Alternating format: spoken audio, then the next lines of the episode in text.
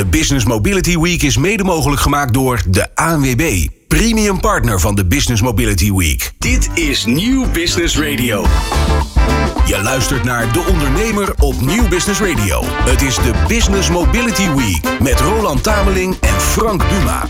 Zo is dat. En eh, het is een lekker rommelige show. Ik hou er altijd wel een beetje van. Dat eerste uur ging van links naar rechts, sowieso qua onderwerpen. En dat is ook wel een beetje de geldende rode draad van de afgelopen Business Mobility Week geweest. Net stond ik nog buiten naast een eh, immense eh, Mercedes S-klasse met een baggervette V8 motor. En alle, alle gezichtjes gingen hier toch weer op standje zonneschijn. Want er werd even gebulder eh, over het Mediapark uitgestort eh, door die auto die op dit moment van de stoep voor de studio afrolt. Marco Hof, Youngtimer expert, kwam even uitleggen dat dat ook nog steeds een interessante optie is voor zakelijke rijders. Want eh, eh, de afgelopen dagen, mannen, ik eh, stel jullie nog even voor, ook aan de kijker en de luisteraar. Tegenover mij zit Frank Buma, mobiliteitsexpert van de ANWB. En eh, tussen ons in zit onze co-host van vandaag. Ehm, jij bent eh, Patrick van Weert van de ANWB ook. Ehm, jij bent eh, eh, propositiemanager hè, eh, binnen de ANWB. Eh, eigenlijk expert op alle vlakken van wat jullie doen binnen de ANWB.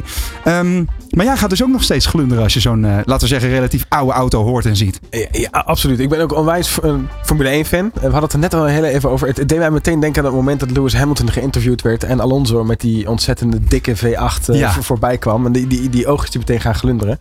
Ja, dat, dat, dat geluid dat heeft gewoon iets. En die, die impact van die motor die brult onder je kont, dat absoluut. Zeker. Ja, ja, en het is ook wel even goed om daar de vinger op te leggen dat in de praktijk van veel ondernemers dit nog steeds een prima optie is. Ondanks dat er heel veel eh, ja, regels in de richting van duurzaamheid en CO2-neutraal gaan. En dat dat natuurlijk intrinsiek ook wel goed gemotiveerd eh, eh, te onderbouwen valt.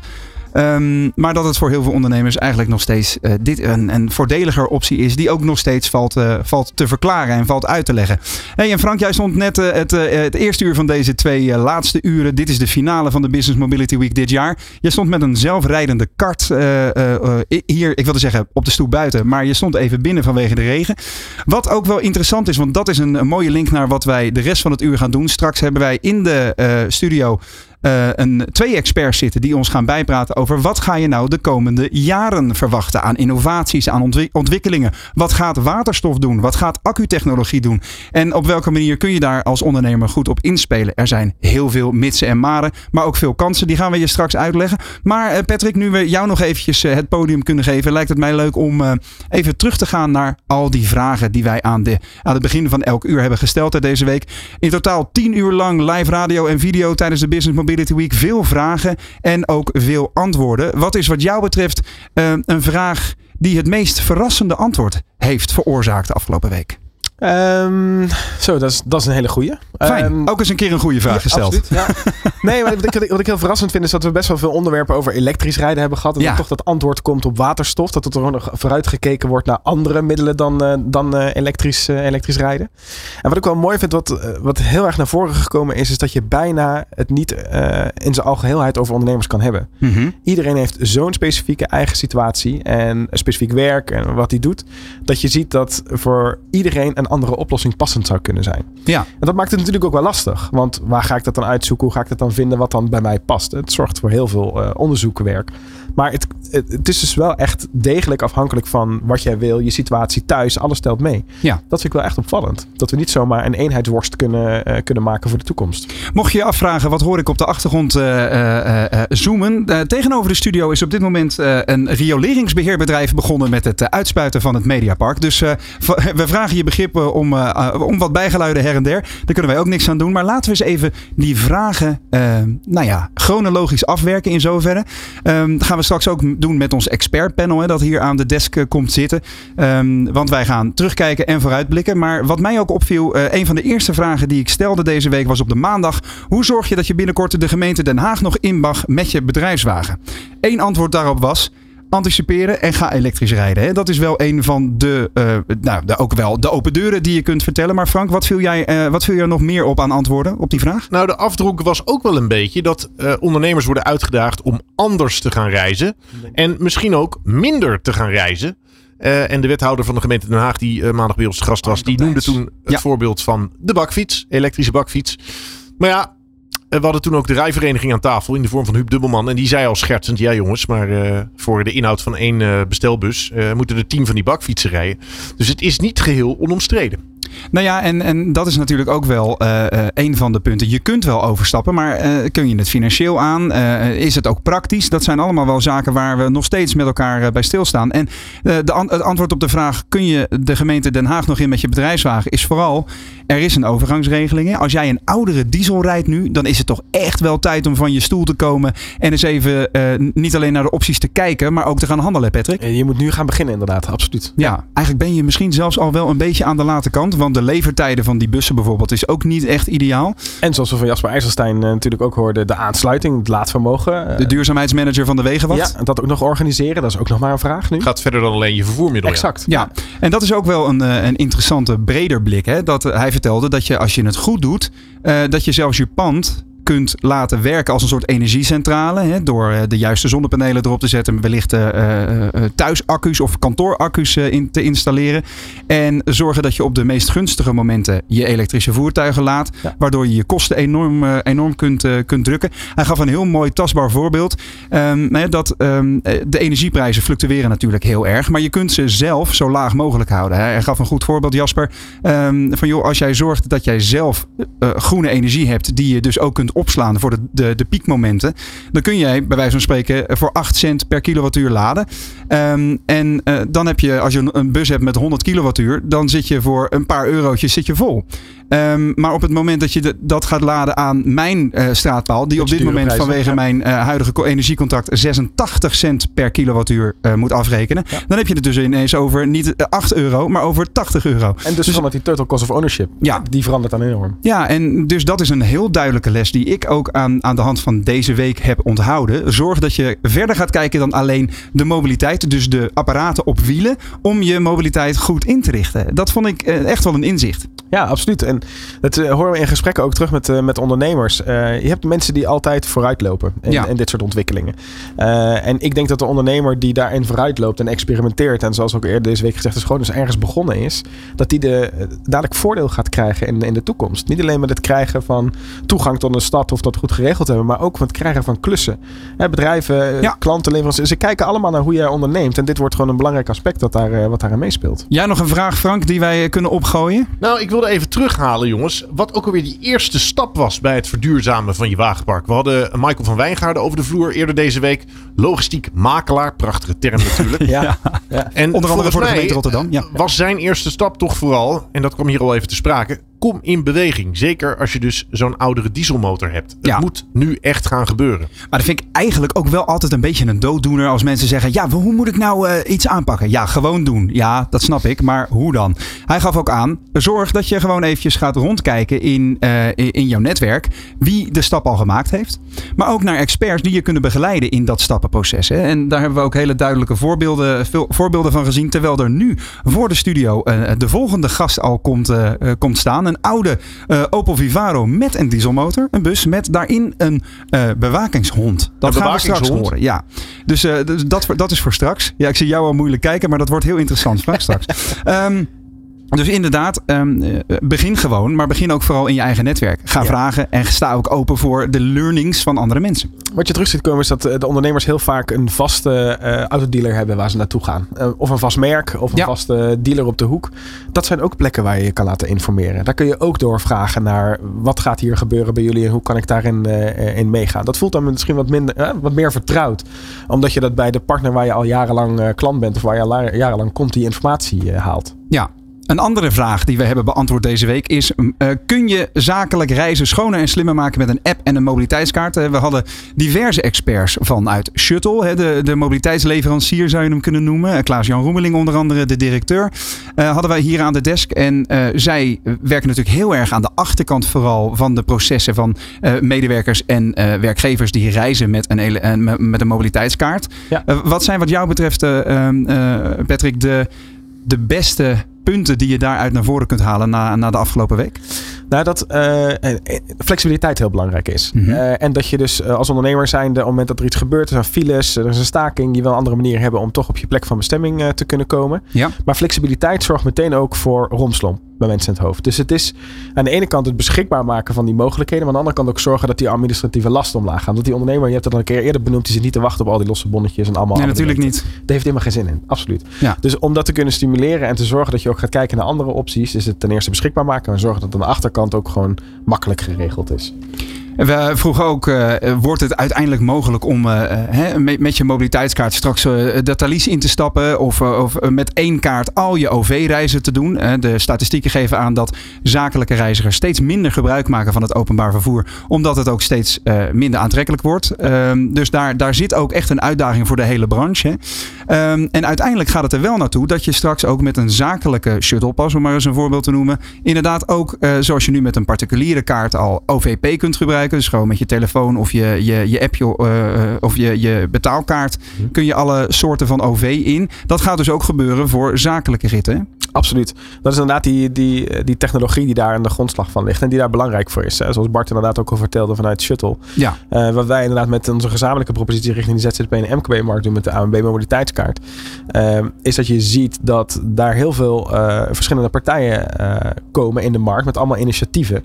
En dat moet dan aan de achterkant moet het wel dusdanig geregeld zijn dat je dat ook kan betalen en die stromen kunnen, kunnen lopen. Dus dat is een hele belangrijke ontwikkeling die moet, die moet doormaken. En dat is ook waarom ik het, het werk dat ik doe zo leuk vind. Er zijn zoveel initiatieven, er zijn zoveel plannen. Iedereen heeft een idee van hoe die toekomst eruit gaat zien. Maar eigenlijk weten we het allemaal nog niet. Maar laten we dan hopen dat alles wat er komt in initiatieven, dat we zorgen dat we dat op een dusdanige gestandaardiseerde manier kunnen gaan doen. Zodat het aan die achterkant ook allemaal elkaar kan praten. Want dan kun je inderdaad dus met een betaalkaart of een creditcard of een mobiliteitskaart of Ja. een drager daarvan alles op één afrekenmiddel doen. Ja. Ik moet zeggen dat ik het belang van die mobiliteitskaart wel in ben gaan zien de afgelopen week. Maar wat voor mij nog steeds een drempel is. En ik kan me zo voorstellen voor veel luisteraars en kijkers. Die auto staat voor de deur, jongens. Je loopt de voordeur uit. Je stapt achter het stuur. Je hebt je muziek aan. Verwarming en je rijdt weg. Dan wil ik niet na hoeven denken over waar staat de dichtstbijzijnde deelscooter. Ja, en Nee. hoeveel gemak wil je hebben inderdaad? Nee, goed. En maar die ondernemer denkt nu wel naar waar is mijn parkeerplek? Met die auto, als ik naar de binnenstad ga. Dus het is eh, aan de ene kant is het het gemak om van vertrekken en hij staat voor de deur. Aan de andere kant kom je op die plek van bestemming kom je in moeilijkheden als je in de binnenstad inderdaad werkt. Dus Ja. Nou, dat kwam ook al ter sprake. Hè? Eh, het, het is tijd om te gaan omdenken. absoluut. Ja, is- en, en eh, wa- wat ik nog steeds heel. Dat zijn twee, twee woorden die me de hele tijd bijblijven. Is financiële prikkel. Ja. Die is echt interessant. De Klaas, Klaas-Pieter Roemeling van, van Shuttle zei dat al. Dat het een hele effectieve manier is om je, je, je medewerkers, eh, je teams eh, aan, aan de gang te krijgen. Eh, gooi gewoon een paar cent extra op een duurzame manier van reizen. En mensen beginnen dat al te doen. Eh, dat had ik eerlijk gezegd niet verwacht. Want eh, inderdaad, wat jij zegt, joh, ik pak lekker die auto. Maar als je dan zegt, ja, maar als je je fiets pakt, krijg je iets meer reiskostenvergoeding. En als je loopt ook. dat dat dus heel veel effect heeft. Zo klein kunnen de bijstuurelementen dus zijn van je beleid. Zullen wij eens even naar ons eerste panelgesprek gaan, Frank? Ik heb er zin aan. Je luistert naar De Ondernemer op Nieuw Business Radio. Het is de Business Mobility Week met Roland Tameling en Frank Buma. Tijd nu om dat expertpanel aan je voor te gaan stellen. In de laatste drie kwartier kunnen we alle mobiliteitsvragen die nog onder ondernemers leven kwijt bij Jasper Engel, coördinator IVA Pro en EV-trainer. Jeroen Horlings, techjournalist bij Tweakers. En Arjan Veldhoven, hij was gisteren al in de show, de hoofdredacteur van Bestel Auto Magazine. Jeroen, jij kan er vanmiddag helaas niet lijfelijk bij zijn, maar belt in vanaf locatie. Dan beginnen we even bij jou, waarbij het de overige heren uiteraard vrij staat om zich ermee te bemoeien, wanneer ze daar aanleiding toe zien. Zo is dat. Er komt nog even een kruk binnen voor Arjan. Eh, Fijn Jeroen dat je er vanaf een afstandje toch bij kon zijn. Want jij hebt een hoop kennis op het gebied van toekomstige innovaties. Hè? Ehm, eh, kun jij even uitleggen in een notendop wat jij voor tweakers doet? Ik hou me bezig met eh, alles wat technologie te maken heeft. En vooral inderdaad innovatie. Vooral in dit geval natuurlijk vooral eh, energie. En daarbij hoort ook mobiliteit. Dus denk aan accu's, maar denk aan waterstof. Denk aan windmolentechnologie. En hoe we in die energietransitie straks allerlei uitdagingen krijgen. Om die energie ook eh, duurzaam te gebruiken en op te slaan. Ja, zullen wij met dat ene onderwerp eens beginnen waar heel veel ondernemers nog vragen over hebben? Waterstof. Ehm, eh, wij krijgen vaak de vraag: ehm, kan ik niet beter wachten op een waterstofvoertuig? Wat is jouw gevoel daarbij? Puur op, eh, geba- gebaseerd op jouw kennis over de technologie? Um, hoe, hoe, minder je van waterstof weet, hoe eenvoudig je uh, dat in gedachten hebt dat dat werkt. Veel mensen, jullie niet waarschijnlijk, maar veel luisteraars wellicht, denken dat waterstof gewoon een vloeistof is. Die je net als benzine in een tank gooit. Die tank maakt niet uit wat voor vorm die heeft. Want die vloeistof die vormt zich wel naar die vorm. Helaas is dat niet zo. Het is een gas. En uh, ook nog een keer gas met een met in atmosferische omstandigheden relatief lage energiedichtheid. Dus moet je het comprimeren, net als in een duikfles, maar dan met een enorme uh, hoeveelheid bar, namelijk uh, 700 bar.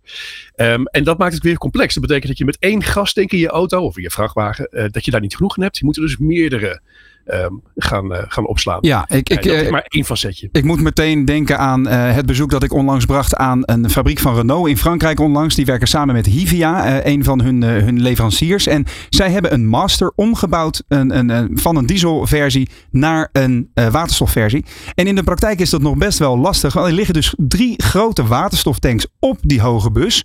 Um, waar dus inderdaad het waterstof in zit. Dus om zo'n zo'n proces in die auto bruikbaar te krijgen, is uh, zeg maar, als je dat op een bestaand voertuig wilt implementeren, is het nogal een uitdaging. Hè? Je ziet wel steeds meer fabrikanten, waaronder Stellantis, die ook mooiere, compactere oplossingen hebben. Uh, waarbij je het eigenlijk niet ziet aan de bestaande bus. Noem een Opel Vivaro, die komt dit jaar op de markt met een waterstof aandrijflijn. Maar zie jij het, Jeroen, vanuit jouw technische perspectief echt als een alternatief voor de komende jaren?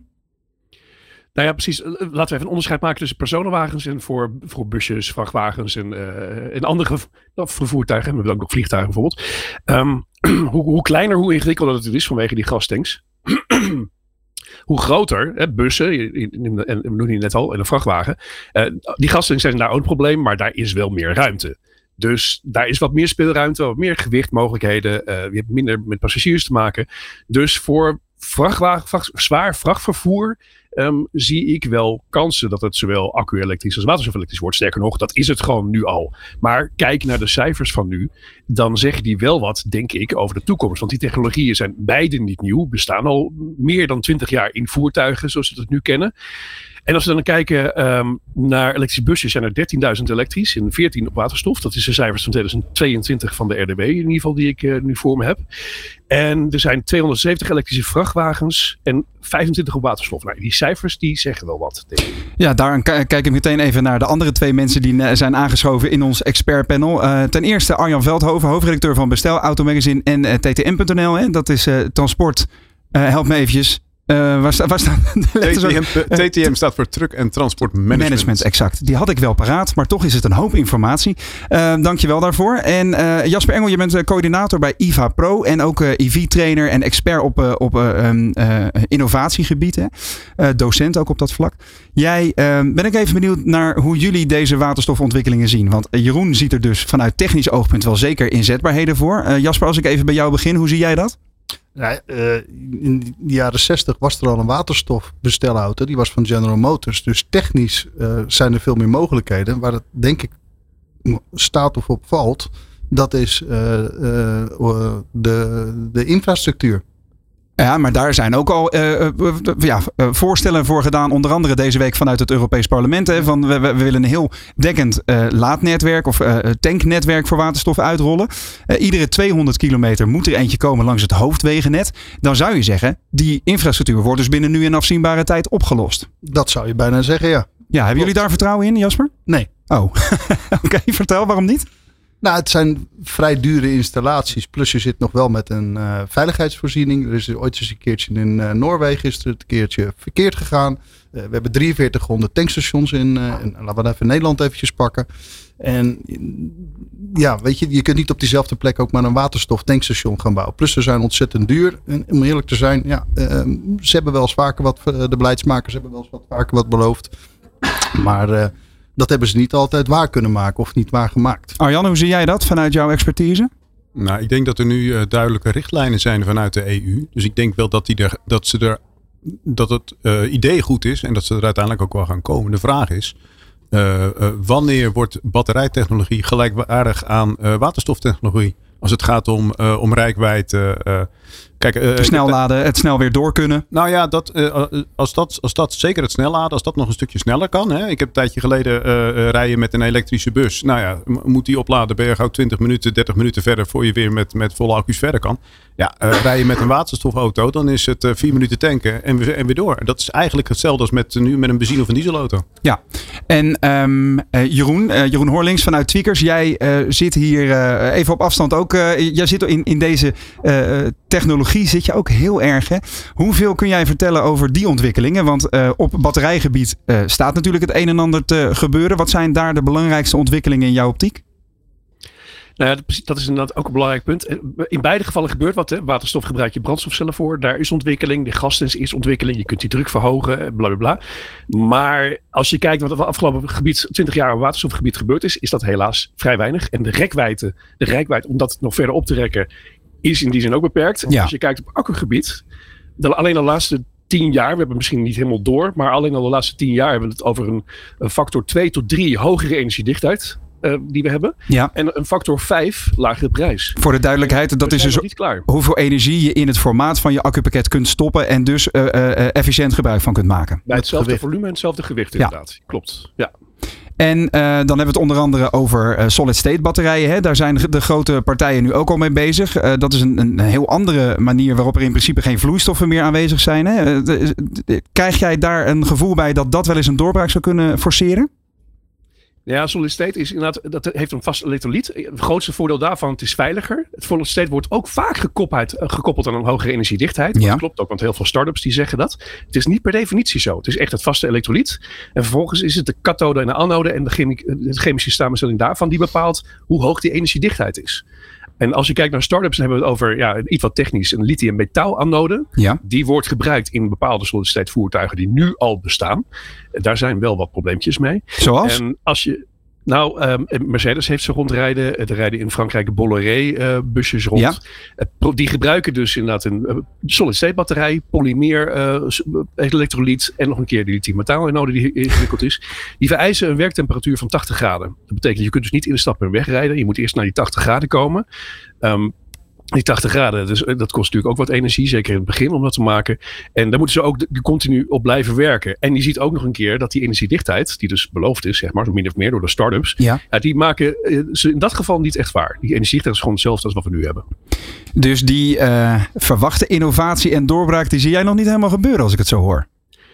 Die, zie ik wel gebeuren, maar niet zozeer dat het alleen maar solid state is. Hè, dat we een beetje de, waar op iedereen aan het wachten is. Ja. Onze telefoon is een week meegaan. Nee, Eh, dat wordt waarschijnlijk meer een doorontwikkeling van de huidige accu's met bijvoorbeeld een silicium anode in plaats van lithium-metaal. Ik zie hier eh, drie eh, hoofden in de studio heen en weer gaan. Als in de bevestigend knikken. Eh, eh, Arjan, eh, vanuit eh, jouw expertise als bestelwagen- en truckjournalist.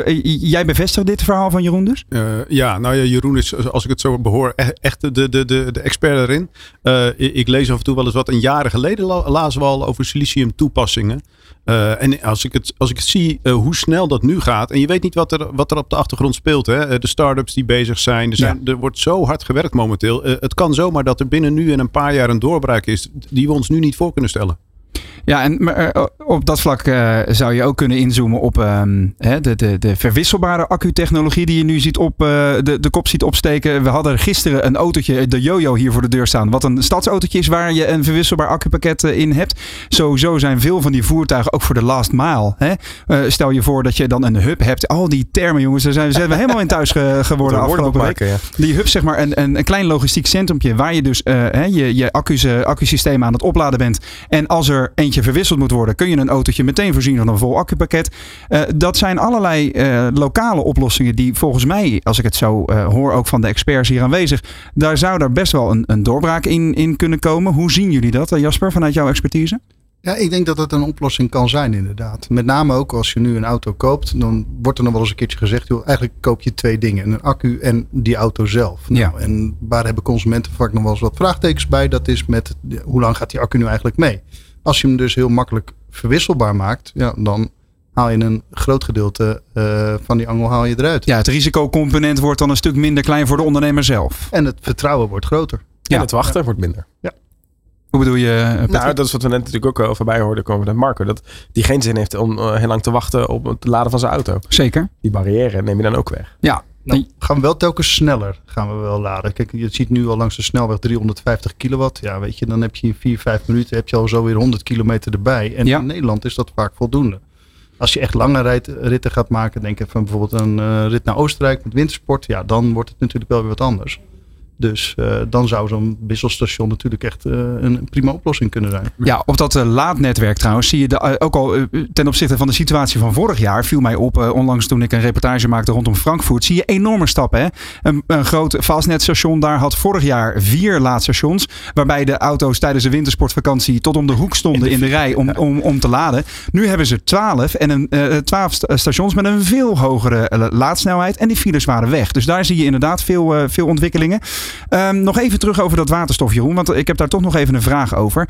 Een andere nadeel die daaraan kleeft, een ander nadeel dat daaraan kleeft, is dat er heel veel energie nodig is om te zorgen dat we voldoende waterstof hebben. En die energie, die kunnen we natuurlijk ook heel goed in andere oplossingen stoppen. Hoe zie jij dat? Ja, dat is, dat is een feit. En datzelfde geldt voor e-fuels natuurlijk. Eh, Waterstof moet je, hè, dat komt niet eh, uit de grond. Dat moet je maken. Eh, en ja, dat is een probleem. Op dit moment wordt overigens vooral van aardgas gemaakt. Nou, dat lijkt me niet een heel houdbaar systeem voor de toekomst. Nee. Ehm, dus dat moet op basis van elektrolyse. En dat kan ook, zeker als we heel veel windmolens gaan krijgen.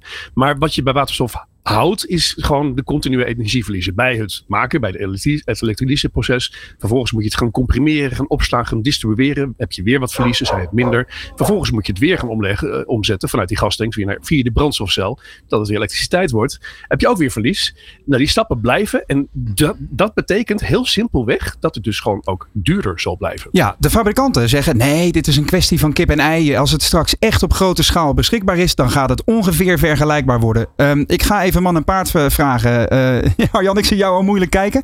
Eh, dit, dit valt, het is nog veel te complex. Het, het is heel complex. Eh, aan de andere kant, wat ik altijd denk, is: eh, we zitten in, dat mag je niet vergeten, we zitten in een ontwikkelingsfase. Zeker. La- laten de ondernemers die luisteren vooral niet denken dat wat we nu hebben, dat dit het is. Er zit nog zoveel aan te komen, zowel op batterijtechnologie als eh, ook waterstof. Ja. Eh, ik heb vorige week iets gelezen over witte waterstof, wat een, blijkbaar een fossiele brandstof is, wat uit de aarde komt. Ik weet er niks van, maar als ik dat hoor, denk ik, van, er kan nog zoveel gebeuren. Weet jij er iets over, Jeroen? Techjournalist van Tweakers? Ja, dat, dat is eh, wellicht wordt het iets. Nu veel, nog veel te weinig informatie over bekend. Ik bedoel, er zijn, je kunt ook wel waterstof met ogen maken. Ook zeer veelbelovend. Al die potentiële doorbraken. Ja, het is, er bestaat gewoon nog niet op productieschaal. We zijn echt twintig jaar verder voordat dat mogelijk misschien iets kan zijn. Ja, dus, eh, Dus, eh, als we zo zeg maar de, de, de auto's, de voertuigen die nu vanuit de fabrikanten hè, op eh, bestelwagengebied, maar ook op truckgebied, nu langzaam maar zeker de, de weg oprollen zijn, vooral nog eh, rijdende laboratoria. Ja. ik, hoor, eh, ik hoor ja. ja.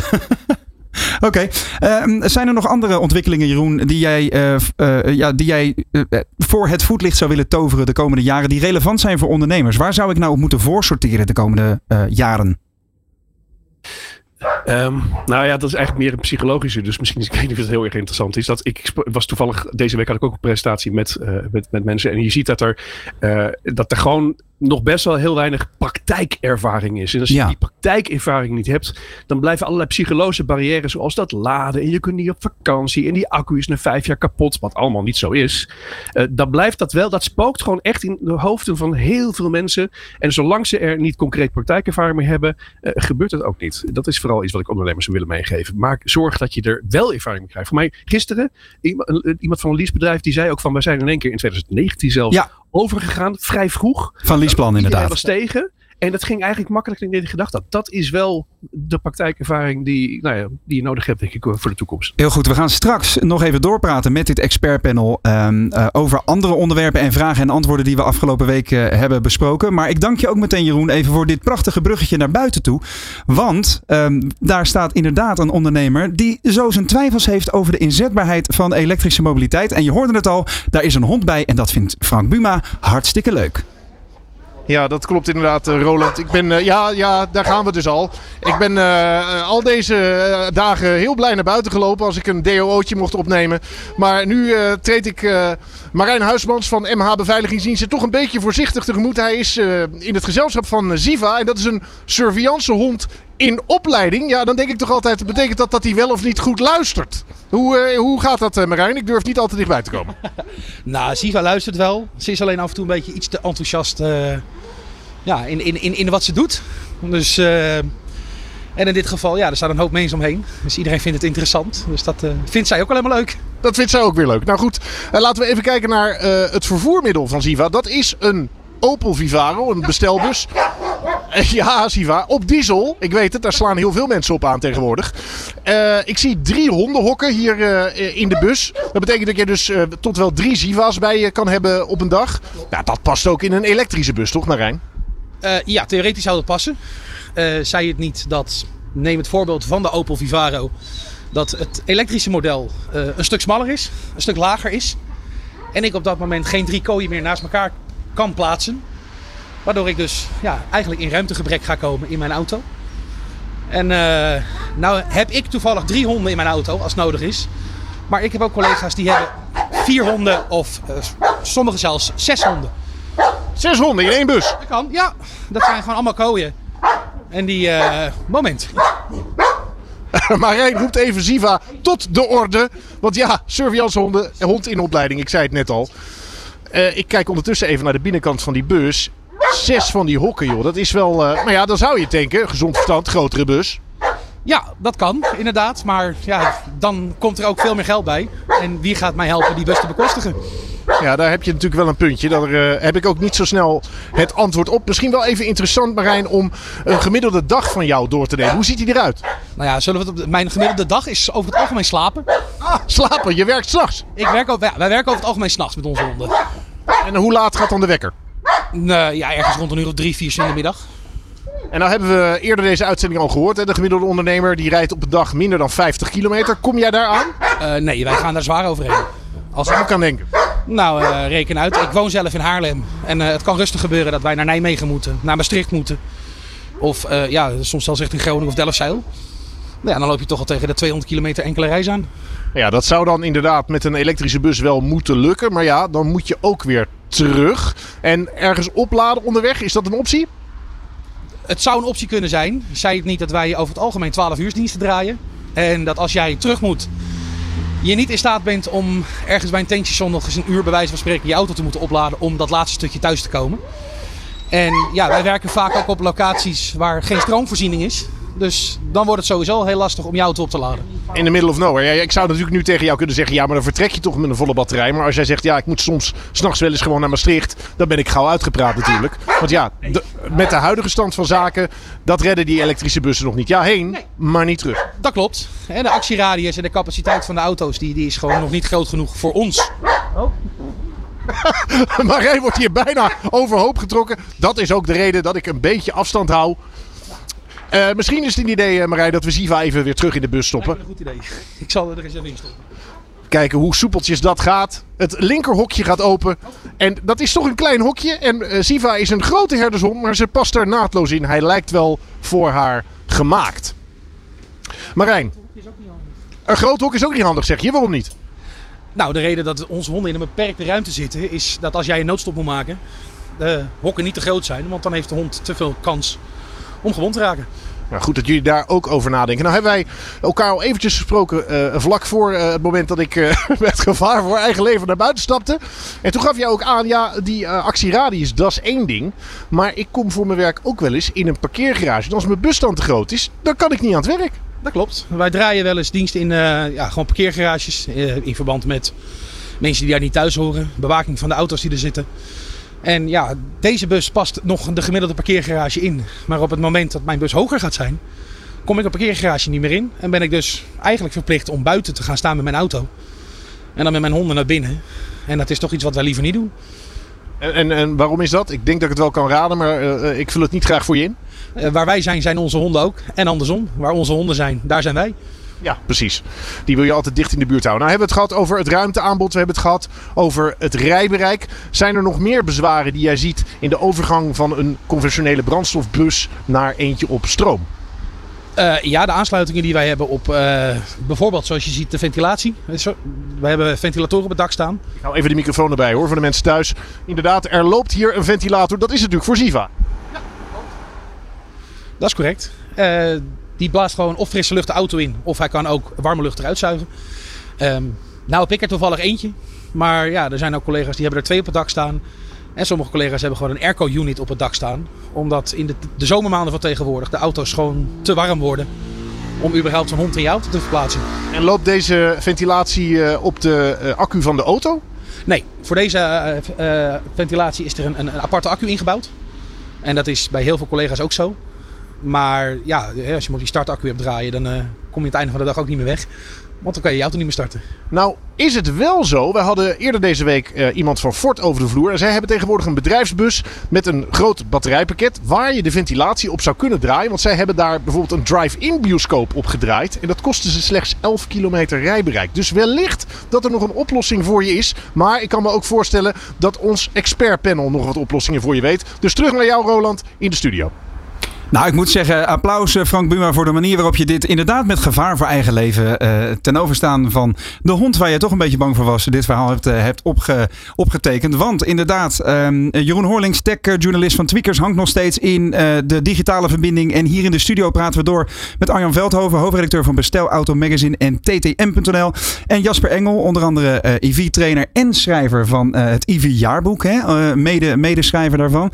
Dit is ehm, het verhaal van Marijn en zijn, eh, zijn Jiva is volgens mij een van de voorbeelden dat er nog heel veel praktijk, eh, mensen uit de praktijk, ondernemers en hun medewerkers, simpelweg nog niet kunnen overstappen. Of, ehm, nou ja, Jasper, ik kijk eerst even naar jou. Wat is jouw gevoel bij dit praktijkvoorbeeld? Ja, er is niet een universeel antwoord van iedereen kan overstappen. Hè. En in dit geval, ja, als je soms eens een keer 200 kilometer moet kunnen rijden, ja, dat, dat kan. Ja. Weet je, dat, die bestelauto's die zijn er. Ja. Waar ik eh, veel meer nog naar zou gaan kijken, dat is ook hoe snel kan die dan snel laden.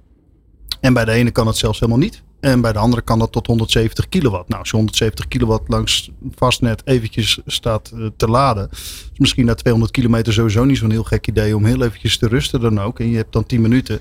Dan kun je weer, vervolgens kun je dus gewoon weer door. Ja, is dat dan zo onwerkbaar? Alleen ik zag bij deze beurs ook een trekhaak zitten. Ja, dan ga ik bij mij altijd meteen wat vraagtekens van... Ja, Ja. kan die ook wel hetzelfde trekgewicht? Want als je bijvoorbeeld naar de bouw kijkt. Ja, er zijn gewoon nou, 90% van de bestelauto's die ze daar hebben gekocht. Ja. Of hebben rondrijden. Die hebben een, eh, een aanhangwagen. En kan dat eigenlijk ook weer wel? Nou, vaak is het antwoord daarop nee. Hè? Jij vertelde mij net dat jij deze week een, een Volkswagen ID Bus rijdt eh, eh, vanuit een, een testrit. Ja. Ehm, eh, nou, die, die blinkt nog niet heel erg uit op, het, op de inzetbaarheid. De actieradius is sowieso snel laden, inderdaad 170 kilo, kilowatt. Ehm, maar trekgewicht is uit mijn hoofd 1000 kilo. Dat is ook niet zoveel als eh, bijvoorbeeld eh, de hovenier die wij eerder eh, deze week als voorbeeld gaven. En daar, zit, daar o- op zitten te wachten. Ehm, eh, op puur op product, vinden jullie dat ze al ver genoeg zijn? Jasper, ja? Ja, nee, nog niet. Nee. Nee, nee, wat, nee. wat zou er dan nog meer, eh, wa- wat zou er het eerst moeten veranderen? Nou, kijk, eh, eh, vooropgesteld, de ondernemer die moet nu een paar aspecten moet hij meenemen. A, als je kijkt naar functionaliteit. Het tweede is natuurlijk ook nog steeds TCO, Total Cost of Ownership. Ja. Dat is dan één, of dat is dan de andere eigenlijk. En als je kijkt naar functionaliteit, ja, dan zou je dus inderdaad die auto gewoon ook gewoon 400 kilometer rijbereik moeten gaan hebben. Dan zou die, hoe groter die accu, hoe zwaarder die auto uiteindelijk ook weer wordt. Hoe minder je dus minder mag meenemen, want uiteindelijk is het totaalgewicht. Totaalgewicht, ja. Nog 3500 kilo, hè. dat wordt eh, hard over gesteggeld om dat naar 4250 kilo te halen. Nou, Mede Ook- hierom, eh, ja. Juist hierom, ja, inderdaad. En dan vervolgens kom je nog op het eh, trekgewicht aan. Nou, er zijn kleinere bestelauto's die meer mogen trekken weer dan die ID-bus. De vraag is, is dat nodig? Dus die Mhm. ondernemer die moet naar functionaliteit kijken. Past het eigenlijk ook nog wel? Eh, tegelijkertijd moet hij naar de kosten, want uiteindelijk zijn bestelauto's zijn productiemiddelen. Niet anders gezegd. Ja. Eh, logistieke processen eh, moeten misschien wel veranderen. Nou, kan het wel met die grote auto. En niet in de laatste plaats, en ik denk dat wil ik de ondernemers toch graag meegeven. Het is ook een HR-vraagstuk. Hoe bedoel je dat? Nou, ehm, als je een arbeidsvoorwaardelijke auto krijgt, een auto van de zaken, personenauto. Nou, Ja. eh, je werd wel getriggerd, want 4% bijtelling. Nou, weet je, en dan vervolgens is, nou ja, ik heb nou toch een keer een elektrische auto. Dus hup, ik neem die volgende en het is nog voor mij privé. Ondanks dat inmiddels de, de, de cijfers, hè, 16% bijtelling tot maar 30.000 euro. Dus het wordt al, de voorwaarden zijn al iets minder aantrekkelijk. Ja, alleen de auto die kan min of meer op zichzelf. Ik ben het daar niet helemaal mee eens als ik dat zo zeg. Maar goed, Mhm. het zou dus wel kunnen. Als je kijkt naar een bestelautochauffeur. Ja, die heeft helemaal geen voordeel van bijtelling. Maar die moet wel ineens. Die heeft misschien ook niet eens een oprit. Maar die wil die auto, of die neemt die auto altijd mee naar huis. En vervolgens moet hij daar 300 meter naar de eerste beste laadpaal gaan lopen. Als die al beschikbaar is. Want Ja. laden met een grote bestelauto in een parkeervak waar een laadpaal staat. Is lastiger, ja, absoluut. Maar het is Zo. inderdaad, ik denk ook waar we het al eerder over gehad hebben. Het is ook een kwestie van eh, die mentaliteitsverandering. Eh, is, we horen hier ook een aantal voorbeelden waar we van de week ook over gehad hebben. Met, met Roy vanuit Liesman bijvoorbeeld. Ja. Dat die laadruimte van die elektrische bus eigenlijk gewoon vergelijkbaar is. Ja. Dus het probleem van het aantal honden en het aantal kooien in, die, in, in dit voorbeeld in de auto, dat kan dus eigenlijk best wel. Ja. Dus er zijn ook nog heel veel dingen die we met elkaar te doen hebben. Daar hebben we als AMB ook een rol in, maar jullie ook. En we hebben met z'n allen is ook om eh, die ondernemer te vertellen en die stigma's weg te nemen en ook bewijsvoering te leveren. Hè. Dat is natuurlijk belangrijk. Ja. Maar dat is ook een heel belangrijk aspect dat we eh, wel vertellen wat de mogelijkheden zijn. Al dus eh, Patrick namens de ANWB inderdaad. Eh, Arjan, eh, Arjan Veldhoven, hoofdredacteur van Bestel Auto Magazine. Jij hebt ook veel testvoertuigen natuurlijk tot je beschikking. Gisteren was jij hier notabene nog met een Renault Trafiek met een dieselmotor. Ja. Ehm, ja, eh, eh, en, en uiteindelijk ben ik even benieuwd naar ehm, waar loop jij tegenaan in de praktijk en wat hoor, jou, of wat hoor jij van jouw doelgroep? Nou, wat ik veel hoor, en dat hoor ik ook een beetje bij deze meneer, is dat eh, eh, hij, hij kijkt naar een elektrische bus en hij wil hem inzetten eh, zoals hij nu zijn dieselbus inzet. Ja, op dezelfde manier. En dan denk ik van, kijk nou naar wat je, wa- wat je nodig hebt. En dat is goed. Maar wees ook een beetje flexibel. Ik bedoel, misschien kan deze meneer wel prima uit met een, een bus die wel wat hoger is. Ja, dan kan hij weliswaar niet meer in de parkeergarage. Maar daar is misschien wel een oplossing voor te vinden. Mhm. En dan denk ik, wees ook een beetje flexibel in je bedrijfsvoering. Want als je het een beetje tweakt, dan kan je misschien nu al rijden met een elektrische bus. Anders moet je diesel blijven rijden. Nou, we weten allemaal wat daar op de lange termijn voor nadelen aan zit. Ja, maar dat, dat hele aanpassen, en je, je noemt nu al een, een paar eh, aspecten, of jullie noemen dat een paar aspecten, van eh, dat, iemand die op de werkvloer, dan wel op de weg, een aantal dingen zou moeten aanpassen. Dus of, of niet meer parkeren in de parkeergarage terwijl je daar moet zijn, eh, even 10 minuten extra nemen onderweg, en misschien nog, even, nog even omrijden omdat dat een slimmere route is. Er zijn dus best wel veel elementen die, die je zou moeten veranderen in je manier van werken. Maar Patrick, jij, jij, daar hebben we het eerder over gehad. Eh, jij vindt ook dat de berichtgeving, vanuit de ANWB dan, eh, vinden jullie dat de berichtgeving rondom eh IV-rijden ook vaak te negatief is? Hoe zien de andere mensen hier aan tafel dat? Bijvoorbeeld Ja- Jasper Engel, jij bent ehm, nou ja, ook docent op het gebied van innovatie. Ehm, hoe zie jij dat? Is, is die tendens onnodig negatief? Ja, er wordt soms wel wat meer overdreven, maar er wordt vooral gefocust op de techniek. En die techniek die is eigenlijk helemaal niet zo slecht. Nogmaals, als je 200 kilometer hebt gereden, is 10 minuten pauze echt. En dan zit er voldoende rijbereik zit erin. En dan sta je aan de andere kant van Nederland al. Ja.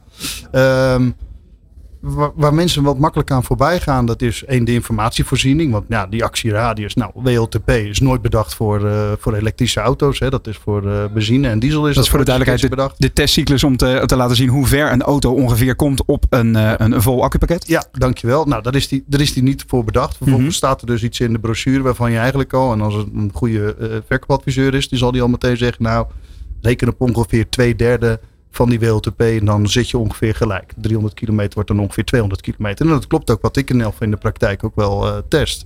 Ehm, maar dat is allemaal nog steeds techniek. En weet je, in een tijd waar eh, mensen niet zo heel makkelijk aan te komen is, zeker technische mensen niet, Nee. je bent er zuinig op.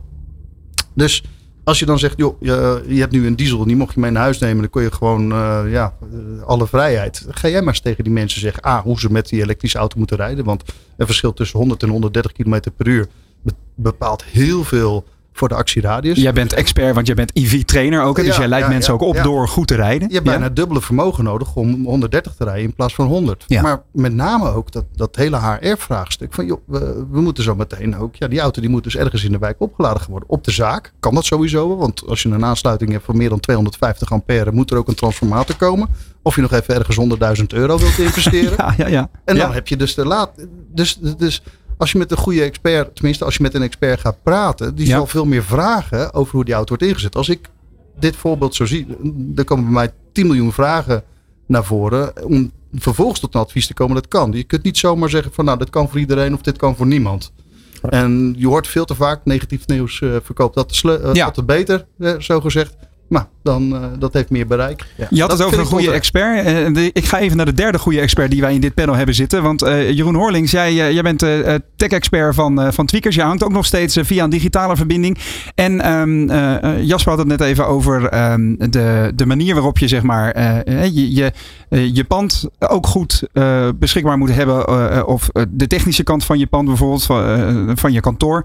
ehm, moet goed zijn opgeleid om je elektrische wagenpark aan de gang te hebben. En ik heb met jou eerder wel eens gesproken over eh, ehm, wat er dan allemaal haalbaar is om zo'n pand bijvoorbeeld eh, inzetbaar te krijgen als een soort energiecentrale. Loont het wat jou betreft al om te investeren in eh, zonnecellen op je dak en, en, en muuraccu's om te zorgen dat jij inderdaad niet meer afhankelijk bent van die volatiele energiemarkt bijvoorbeeld? Hoe zie jij dat, Jeroen? Ik denk dat het loont. Het is, het is inderdaad wel een, een lastig verhaal, omdat we relatief vroeg zitten. We hebben nog een, voor consumenten althans nog een salderingsregeling. En Ja. accu's, thuisaccu's en kantooraccu's, die zijn beperkt beschikbaar. Je ziet wel steeds meer ondernemers dat doen, inderdaad. Dus en het dak volleggen met zonnepanelen. Eigenlijk zou ik zeggen sowieso doen, als dat technisch kan. Hè, als het draagkracht geno- genoeg is. Want hoe meer duurzame energie, hoe beter. Je kunt misschien niet alle energie meer afdekken, maar wel een, een, eh, nou, een steeds groter deel. Goed En punt. als je die energie ook slim gaat opslaan in ofwel in stationaire eh, accu's die daar in je kantoor passen had opgewacht, opgewacht. Dat kunnen ook tweedehands accu's zijn. Of nog beter misschien die busjes en of eh, auto's die ook kunnen terugleveren. De zogenaamde bidirectionele lader. Vehicle to X, dus to B in dit geval. To, Ja. to To- business. to- ja, heel goed. Patrick, ik zie jou dat jij hier, jij wil hierop aanhaken. Nee, eh, zeker waar. Hè? We zien ook vanuit eh, met AWB zijn we ook de AWB energiemarkt zijn we opgegaan. En nou, ook daarvan krijg je natuurlijk ook vragen van wat heeft AWB met energie te maken. Omdat het een onderdeel is van je onderweg zijn, ook in de toekomst. En ook dat idee dat je inderdaad straks die stroom terug gaat gebruiken voor je huis. Hè? We zien nu aan die propositie dat, je, dat we uurprijzen kunnen leveren. Mhm. Dus dat betekent dat je ook die ondernemer weer gaat, gaat leren en die, die mensen thuis. Van welke tijdstippen ga ik nou die auto aan de lader hangen? En wat we traditioneel vroeger de daluren hadden, s'avonds, staan nu heel veel voertuigen staan te laden. Ja. Dus dat is niet het moment om de stroom te gebruiken. In de middag, rond een uur of één, dat zijn vaak de momenten waarop je beter die auto kan opladen. Als je dat dan goedkoop kan doen overdag en Mhm. s'avonds gebruik je die energie in je huis, dan heb je dus niet die hoge kosten die jij eh, in je energiecontracten hebt voor 86 cent. Ja, Jeroen Horlings vanuit Tweakers. Wat zou jouw beste tip zijn eh, op het gebied van die technologie? Wat is nou de beste oplossing om in te investeren voor de ondernemers van Nederland? Er is niet één oplossing. Hè. Het, is een, het is een keten van verschillende dingen. Dus Uiteraard. zonnepanelen op het dak sowieso. Eh, iets, toch iets van stationaire accuopslag zou altijd handig zijn. Ehm, kijk vooruit wat er gaat komen. Eh, helaas, voor mij is de Volkswagen, het busje wat al besproken werd, voor elkaar, volgens mij ehm, nou, levert hij in ieder geval stroom in de auto, dat je je apparatuur kunt opladen. Mhm. Ehm, nog niet, mij, die gaat ook stroom leveren, inderdaad, eh, Ja, extern. Die is voorbereid op bidirectioneel laden, inderdaad. Ja. Precies. En, ook, en, en dat, nou, dat is dus eh, zoiets is dus een hele interessante investering, denk ik, op lange termijn. Eh, Waarbij je met een laadpaal die daar ook geschikt voor is, dat komt ook weer erbij kijken natuurlijk. Ja. eh, dat je daarbij heel slim met het energienet kunt omgaan. En inderdaad, ook nog een keer dynamische prijzen, want daar gaan we gewoon naartoe in Mhm. de toekomst. En niet alleen in de middag met de zonnepanelen kun je dan heel goedkoop laden, maar ook voor mij afgelopen nacht, nou, zelfs nog als het redelijk wa- waait, dan is, zijn ook de nachturen heel erg voordelig. Dus zowel overdag als de zon schijnt, als ook s'nachts als er heel veel windenergie is, het wordt alleen maar meer, kun je dus dan het beste je auto's vrij goedkoop opladen. Heel goed. eh, Patrick, jij had nog een aanvulling? Nou, wat we uit het onderzoek terugzien, het elektrisch zakelijk rijden onderzoek, is dat toch al een derde van de eh, ondernemers energie opwekt op werk. Eh, en 52% zelfs ook al thuis. Dus dat is best wel een grote groep die daar toch al mee, eh, mee bezig is. Ja, dus die stappen worden al wel gezet. Ik ga die laatste vraag ook aan onze andere eh eh, tech panel leden en experts eh, voorleggen. Arjan Veldhoven, hoofdredacteur van Bestel Auto Magazine en ttm.nl. Eh, wat zou wat jou betreft de beste tip zijn? Het is een ontzettende rotvraag, maar wat is de beste tip voor ondernemers in Nederland? Eh, nou, kijk ook om je heen wat andere bedrijven doen. Ja. Eh, heel veel bedrijven zitten bijvoorbeeld op industrieterreinen.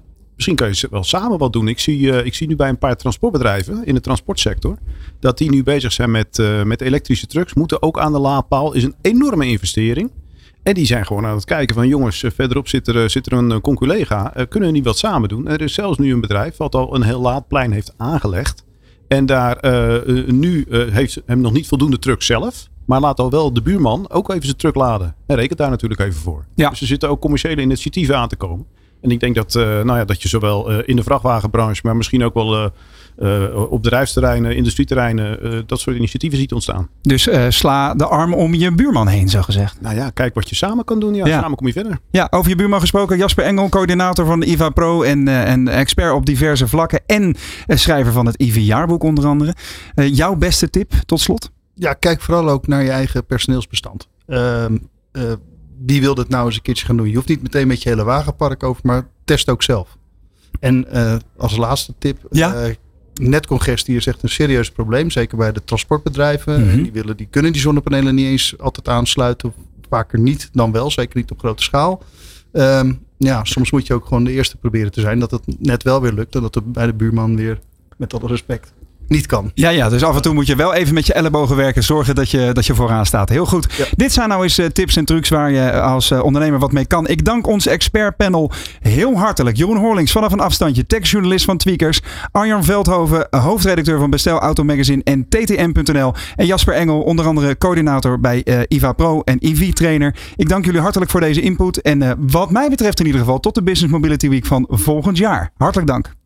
Je luistert naar De Ondernemer op Nieuw Business Radio. Het is de Business Mobility Week met Roland Tameling en Frank Buma. Zo is, zo is dat. Ik was net te vroeg, jammer. Ehm, de, de Business Mobility Week. Frank Buma, eh, k- mobiliteitsexpert van de AWB. Je bent inmiddels weer aangeschoven aan de desk voor, laten we zeggen, de eindsprint van deze marathon. Vijf dagen lang, twee uur per dag, radio en video gemaakt over zakelijke mobiliteit voor de ondernemers van Nederland. Heel veel vragen, veel antwoorden. We gaan samen met onze co-host Patrick van Weert namens de AWB ook eh, nog even de laatste antwoorden geven. Mannen, wat is verder nog ter tafel gekomen dat we vandaag nog niet hebben besproken? Patrick, ik kijk eerst naar jou.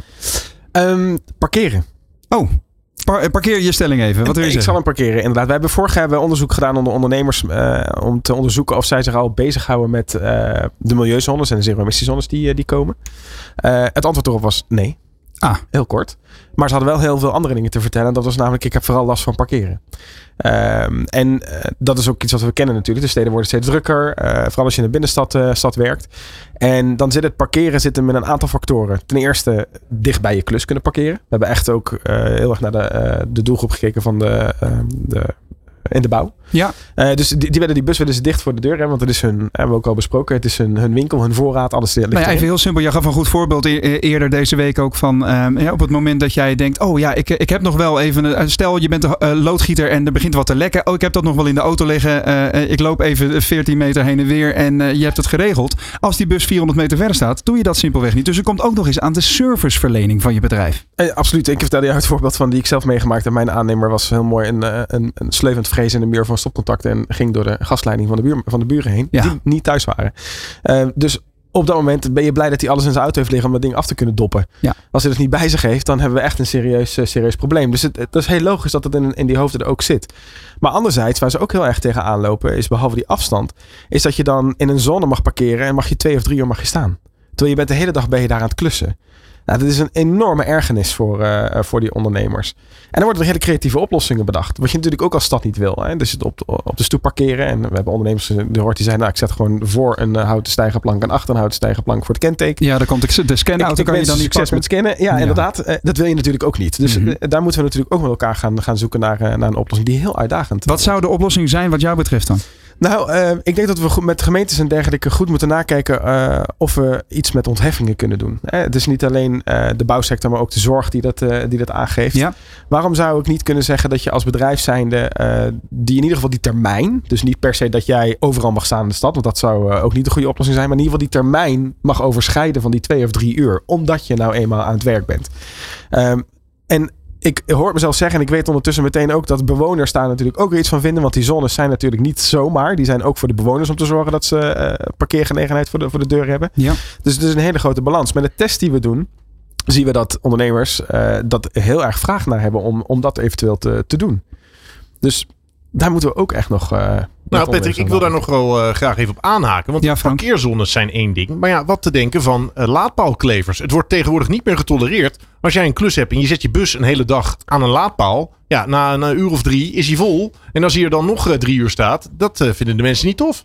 Zeker niet, nee. nee. En de gemeente is er ook heel rap bij hoor. Op het moment dat je op een verkeerde plek eh, staat. Nou, eh, zelfs eh, makers van auto's hebben in hun app al een soort ontmoedigingsbeleid. Hè? Dat dat je bijvoorbeeld de Tesla-rijders krijgen een melding van hun app van joh, je moet je auto weghalen, anders gaan we je, ga je, gaan we je extra belasten. Want je, je houdt nu, je auto is eh, zeg maar 80% vol, dus je, je hebt geen reden meer om daar te staan. Als je blijft staan, gaan we je extra heffen.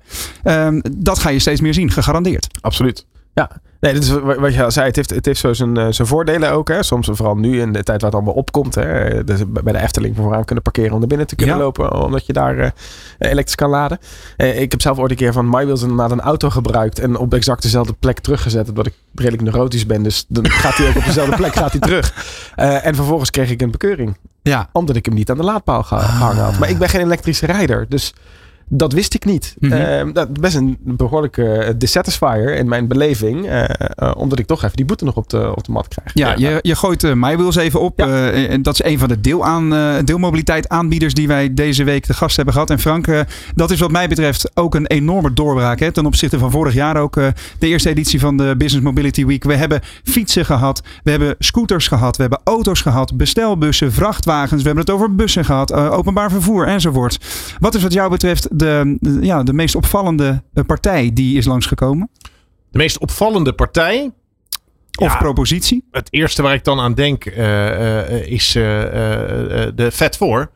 Eh, en dan vooral omdat me opviel dat er zijn financiële prikkels nodig om mensen eh, een gedragsverandering Ja. te laten ondergaan. Een grote Maar elektrische, design- elektrische design fiets, hè, voor de duidelijkheid. Ja, de Fat 4 is elektrische fiets inderdaad. Design speelt dus ook een hele belangrijke rol. De wegenwachten staan in de rij om met die ID-bus te rijden. En ik bemerkte bij mezelf echt kriebels om naar mijn werk te gaan fietsen, omdat ik zo'n Fat 4 zo mooi vind. En dat zegt een autojournalist, hè, voor de duidelijkheid. Tenminste, een mobiliteitsexpert. Maar, ja, maar de- je ziet ook inderdaad dat er op productniveau enorm veel veranderingen eh, eh, aan de gang zijn. Die ook bij lange na niet allemaal de grote investering vergen die je wellicht verwacht. Hè, op basis van de eerste berekening als je een offerte aanvraagt. Dus eh, ik denk dat een hele belangrijke tip is. kijk even om die eerste bedragen heen. Ga vooral met experts in gesprek. om uit te kristalliseren wat er allemaal mogelijk is voor jouw mobiliteitsbeleid. Kijk ook verder dan de voertuigen alleen. Want het zit hem ook in je pand. Het zit hem ook in het gedrag van je medewerkers. Het zit hem in alternatieven. Het zit hem in financiële prikkels. Daar is die weer. Dus de breedte opzoeken is volgens mij de belangrijkste conclusie. Een van de belangrijkste conclusies van deze Business Mobility Week 2023. Ik kijk nog eenmaal naar de gasten hier aan mijn desk. Eh, Frank Buma, heb jij nog een laatste conclusie? Ja, jongens, kom van je stoel af. Dat is ook een beetje de, de, de afdronk van deze week. Ja, mijn, eh, mijn smartphone zei dat net ook al. Ga staan, Tameling. Het wordt tijd. Maar eh, inderdaad, ook zakelijk gezien, kom van je stoel af en ga in actie. Eh, Patrick van Weert, vertel jouw laatste opmerking dit uur. Laat je informeren. Inderdaad, op dit moment. En zorg niet, zoals veel ondernemers dat doen, dat ze pas erover na gaan denken op het moment dat het voor hun neus staat. Dus de bus gaat morgen kapot. Dan ga ik pas nadenken wat ik doe. Ja. Probeer dat nu in deze situatie, in de tijd waarin we nu zitten, doe je echt je voordeel mee als je je nu al laat informeren. Amen. Dat is het slotwoord van de Business Mobility Week 2023. Ik ga een rondje bedanken, want dat was een mooie week. Patrick van Weer, dankjewel in ieder geval voor jouw twee eh, uur co-hostschap vandaag. En ik kijk ook meteen naar vriend, collega en inspiratiebron Frank Buma aan de overkant van deze desk. Namens de AWB ben jij eh geweest. En eh, ik, ik mag wel stellen, je hebt dit formidabel gedaan. Ik heb van je genoten en ik vond het ook heel mooi om te zien dat je je angst rondom de hond ook een beetje een plekje hebt kunnen geven. Dankjewel voor alles eh, wat je gedaan hebt. Graag gedaan, de jongens. teams achter de, achter de schermen niet in de laatste plaats. Daan Prins, vijf dagen lang super soepel geschoven hier achter de schermen. En alle teams van de ondernemer, van de ANWB en van de radiofabriek waarvan wij hier vandaag uitzenden. Grote dank. Dit was de Business Mobility Week 2023. Wat mij betreft, tot volgend jaar. Je luistert naar De Ondernemer op Nieuw Business Radio. Het is de Business Mobility Week met Roland Tameling en Frank Buma. Deze uitzending werd mede mogelijk gemaakt door de ANWB, premium partner van de Business Mobility Week.